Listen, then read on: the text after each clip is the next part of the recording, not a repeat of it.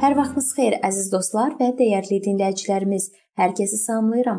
Mənim adım Sona və sizi Allahla 5 dəqiqə adlı podkastımızda xoş gördüm.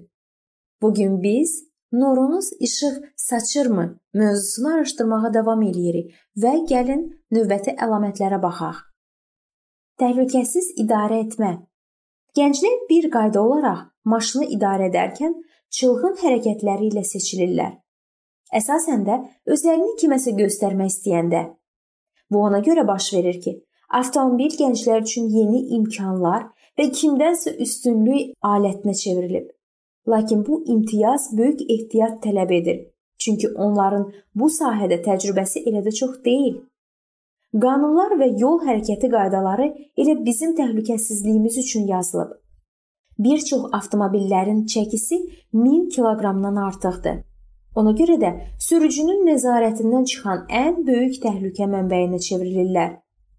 İnsanlar tez-tez yollarda baş verən qəzalar zamanı həyatlarını itirirlər. Amma yaxşı olar ki, bu hadisələr sizin ehtiyatsızlığınız və ya səhlənkarlığınız ucbatından baş verməsin. Yolda olarkən hərəkətin digər iştirakçıları barədə düşünürsünüzmü? Qonşularınız, iş yoldaşınız və ya polis Maşını idarə etməyiniz barədə nə düşünür? İdarə etmə tərziniz özünüz barədə şahadətdir. Qoy bu Allah haqqında şahadət olsun. Növbəti Allaha xoş gələn davranış. Gəncin həlim xasiyyəti və ağıllı davranışı onun həyatının Allah tərəfindən idarə edildiyinə işarədir. Onun həyatının daha bir vacib hissələrindən biri elektron avadanlıqlara olan münasibətidir. Gənclərin çoxu texnoloji yeniliklərə o qədər aludə olublar və öz smartfonlarına başları o qədər qarışıb ki, ətrafda baş verənləri nəzərdən qaçırırlar. Bu səbəbdən onların insanlarla ünsiyyəti alınmır. Çünki sosial şəbəkələr bu zərurəti məhdudlaşdırır və ya sıradan çıxarır.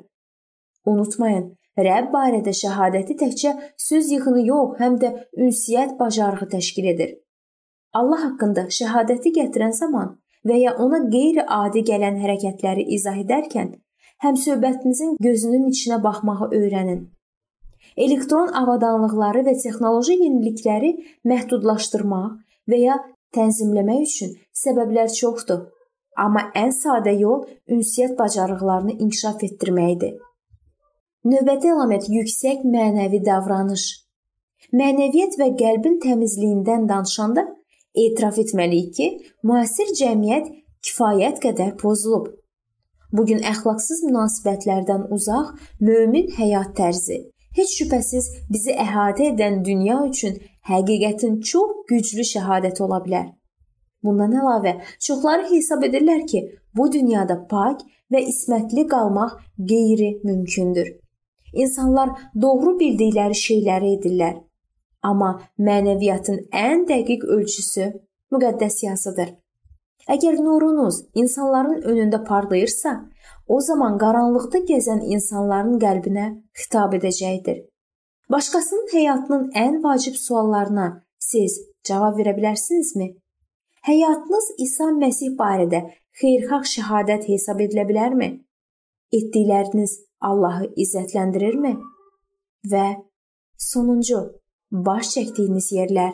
Bu dünyada gənclərin tez-tez və uzun müddət əylənməsi normal qəbul edilir. Gənclərin tez-tez baş çəkdikləri yerlər qanunsuzluqların baş verdiyi və mənfi təsirə malik yerlərdir. İstirahətinizi necə qurmağınız və asudə vaxtınızın necə keçirməyiniz başqalarına əslində ürəyinizin nəyə yatdığını göstərəcək. Mağazalara baş çəkəndə də ehtiyatlı olmalısınız. Çünki bir çox mağazalar və brendlər hissiyata toxunan reklamlardan istifadə edirlər ki, sizdə cismani hisslər oyatsınlar. Nəticədə bu və ya digər məhsulu almağa həvəsiniz yaransın. Tez-tez baş çəkdiyiniz yerləri, onların sizə necə təsir etdiyini və ətrafdakılara sizin Allahla münasibətinizə dair hansı şahadəti verdiyini xatırlayın.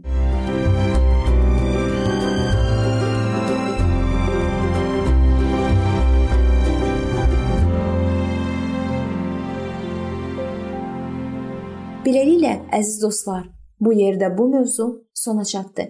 Hər zaman olduğu kimi sizi dəvət edirəm ki, bizim podkastlarımızı Facebook səhifəmizdən və YouTube kanalımızdan dinləməyə davam eləyəsiniz.